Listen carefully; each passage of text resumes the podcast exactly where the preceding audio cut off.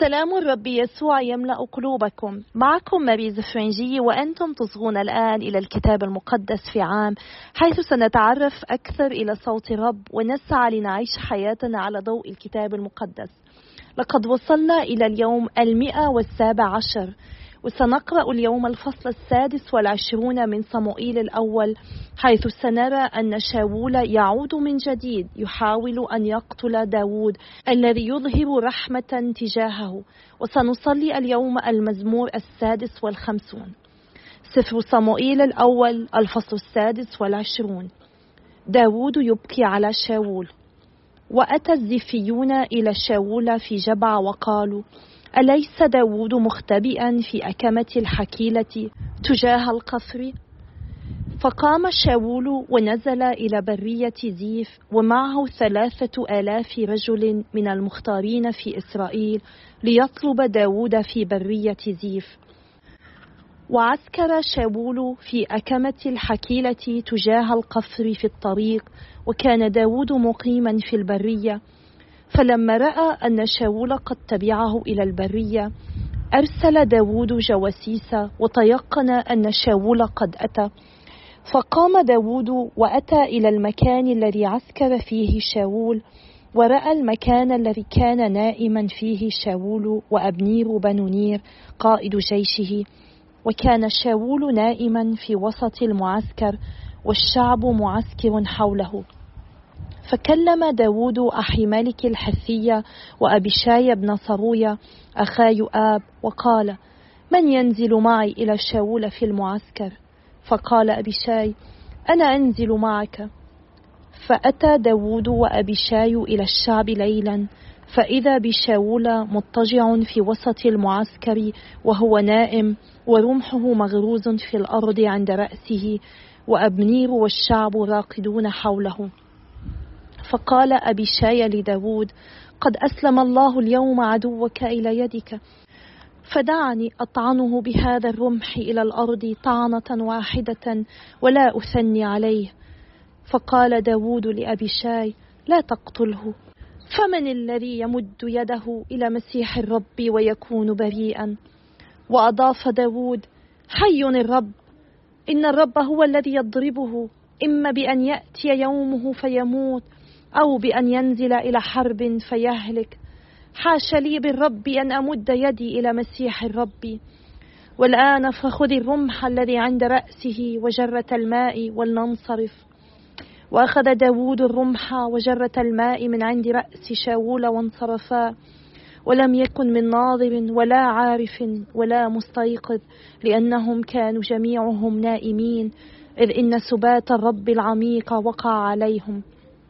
واجتاز داود إلى العبر ووقف على قمة الجبل من بعد والمسافة بينهم بعيدة. وصاح داود بالشعب وبأبنير بني نير قائلا هل لا تجيب يا أبنير؟ فأجاب أبنير وقال ومن أنت يا من يصيح بالملك؟ فقال داود لأبنير أما أنت رجل ومن مثلك في إسرائيل فلماذا لم تحرس سيدك الملك؟ فقد جاء واحد من الشعب ليهلك سيدك الملك. إنك لم تحسن فيما صنعت حي الرب. فإنكم قد استوجبتم الموت لأنكم لم تحرسوا سيدكم مسيح الرب. فانظر الآن. أين رمح الملك وجرة الماء اللذان كانا عند رأس الملك؟ فعرف شاول صوت داود فقال أصوتك هذا يا ابن داود؟ فقال داود هو صوتي يا سيد الملك. ثم أضاف داود ما بالك يا سيدي؟ تطارد عبدك. ما الذي صنعت وما الذي في يدي من السوء؟ فليسمع الآن سيدي الملك كلام عبده. إن كان الرب هو الذي حرضك علي فليتنسم رائحة تقدم وإن كان بنو البشر فهم ملعونون أمام الرب. لأنهم نفوني اليوم من الاشتراك في ميراث الرب قائلين اذهب فاعبد آلهة أخرى. والآن لا يسقط دمي على الأرض بعيدا عن وجه الرب. فإن ملك إسرائيل قد خرج ليطلب برغوثا واحدا كما يطارد الحجل في الجبال. فقال شاول قد خطئت فارجع يا ابن داود. فإني لا أعود أؤذيك لأن نفسي كانت كريمة في عينيك اليوم وأنا قد فعلت بحماقة وضللت ضلالا بعيدا جدا.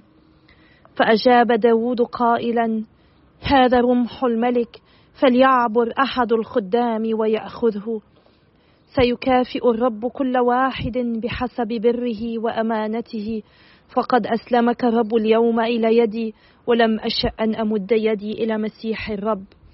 فكما عظمت نفسك اليوم في عيني فلتعظم نفسي في عيني الرب وينقذني من كل ضيق. فقال شاول لداود مبارك أنت يا ابن داود فإنك تسعى سعيا وتنتصر انتصارا. ثم انصرف داود في سبيله ورجع شاول إلى مكانه. المزمور السادس والخمسون لإمام الغناء على لحن ظلم الأمراء البعيدين لداود بصوت خافت عندما قبض عليه الفلسطينيون في جدة. ارحمني يا الله فإن الإنسان يرهقني والمقاتل طوال النهار يضايقني. طوال النهار يرهقني الذين يترصدونني فقد كثر من في المرتفعات يقاتلونني. عليك أتوكل يوم أخاف على الله الذي بكلمته أشيد. على الله توكلت فلا أخاف وما يصنع بي البشر. طوال النهار يعرقلون أموري جميع أفكارهم في إلى الشر متجهة. يتجمعون ويختبئون وآثار يقطفون كأنهم في نفس طامعون. اللهم أبي سبب إثمهم يفلتون في غضبك أذل الشعوب. قد عددت خطواتي التائهة فاجعل دموعي في قربتك. أوليست في سفرك؟ حينئذ يرتد أعدائي يوم دعائي وأنا أعلم أن الله معي. على الله الذي بكلمته أشيد على الرب الذي بكلمته أشيد. على الله توكلت فلا أخاف وماذا يصنع بي الإنسان؟ اللهم علي نذور لك سأوفي ذبائح حمد لك لأنك من الموت أنقذت نفسي حتى أسير أمام الله في نور الأحياء. يا أبانا السماوي إننا نمجدك إننا نشكرك نسبحك نشكرك على هذا اليوم نشكرك على هذا الوقت القصير الأقصر من المعتاد في قراءتنا وشرحنا.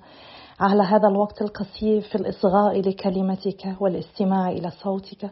ولكننا نحن ندرك أنك تتكلم معنا أكثر بكثير من هذا الوقت. نشكرك لأنك تذكرنا بفضيلة الرحمة بفضيلة الوقار بفضيلة الإخلاص. وباسمك يا رب نطلب منك أن تعطينا النعمة حتى نكون رحماء. موقرين ومخلصين.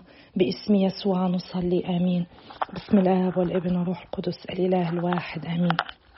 رأينا أن شاول عاد يطارد داود ولم يتعلم من تسامح داود السابق معه ومن إنقاذ الله له من يده في الفصل الرابع والعشرون الذي قرأناه منذ يومين. علينا أن نتعلم درسا من هذا ألا نكون مصرين على السير في طريق الشر. علينا أن نتوب وألا نتمادى في الشر لئلا يتخلى عنا الله ويسمح الله بتأديبنا فننال عواقب أفعالنا. عندما عاد شاول ليطارد داود وأتيحت الفرصة لداود ليقتله رفض داود أن يفعل ذلك على الرغم من أن أبي شايا كان يحاول أن يقنعه بأنه من السهل جدا قتل شاول برمحه. لكن داود كرر كلامه بأنه لا يمكن أن يمد يده على شاول مسيح الرب بل طلب من أبي شاي أن يأخذ رمح شاول من جواره وكذلك كوز المياه المخصص لشربه. وهكذا فعل ولم يشعر أحدا بذلك لأنه بتدبير إلهي سمح الله أن ينام الجميع نوما عميقا. علينا أن نتعلم أن نترفع ان نأخذ حقنا بيدنا وأن نرفع ظلمنا إلى الله وأن نثق أنه يسمع لصراخ المظلوم ويشعر به. الرب رجاء من ليس له رجاء ومعين من ليس له منية فلنتكل عليه. داود أكد أن حياة شاول ثمينة وهو يطلب من الله أيضا أن يرى حياته على أنها ثمينة أيضا. أظهر رحمة تجاه شاول كما يظهر الله رحمة تجاه كل واحد منا وهو قد تأمل بأن يعامله الرب بالطريقة التي عامل بها شاول. فلنطلب من الرب أن يعاملنا كما نعامل الآخرين ولنطلب منه النعمة لنعامل الآخرين برحمة ومحبة ووقار وأمانة. ما فعله داود يذكرنا بالصلاة الربية التي أعطانا إياها الرب يسوع عندما صلى. اغفر لنا ذنوبنا كما نحن نغفر لمن خطئ إلينا. نعم نحن علينا أن نعيش هذه الرحمة والمحبة قبل أن نطلبها من الآب. يمكننا أن نرى الوقار الاحترام الذي أبداه داود في سبب حفظه لحياة شاول لأن شاول هو مسيح الرب. على الرغم من أن شاول لم يكن يعيش حياة فاضلة إلا أن داود عامله باحترام لأنه ينتمي إلى الله. ونحن علينا أن نعامل كل الأشخاص باحترام ومحبة حتى لو كانوا يسلكون طريقا خطأ لأنهم في النهاية أبناء لله ينتمون لله مثل كل واحد منا. داود استمر بالسير بأمانة كما نرى من خلال صلواته ومزاميره على الرغم من أنه لم يكن يدرك الخطوة التالية أو كيف سينقذه الله. ظل أمينا. في وسط الظلم نرى داود يستمر في إظهار الرحمة على الرغم من أن شاول كان يعامله كما لو أن لا قيمة له إلا أن داود أظهر له الاحترام على الرغم من أنه لا يعرف إلى أين هذا سيقوده إلا أنه استمر بالسير بأمانة. يمكننا أن نتعلم من فضائل داود يمكننا أن نتعلم من عيوبه ونقاط ضعفه. نحن أيضا غالبا ما نكون صالحين. فاضلين وضعفاء مخلصين في بعض الأحيان وغير مخلصين في أيام أخرى. مثل داود فلنتذكر في مواجهة الظلم أن نظهر رحمة. عندما يعاملنا الناس كأننا لا شيء فلنظهر الاحترام. عندما لا ندرك أين نحن نسير فلنسير بأمانة وثقة مع الرب الذي لا يتخلى عنا لأنه آب محب صالح. فلنأخذ بعض الوقت اليوم لنتأمل بخطوة واحدة يمكننا أن نتخذها لتساعدنا كي ننمو بالإيمان والثقة بالرب أكثر. ولنأخذ القرار بأن نسير في هذه الخطوة ونسأل الرب النعمة لنفعل ذلك ولنستمر بالصلاة من أجل بعضنا البعض بروح امتنان ومحبة ووقار ورحمة. ونشكر الله على هذه المجموعة. وإلى اللقاء غدا يوم آخر بإذن الله.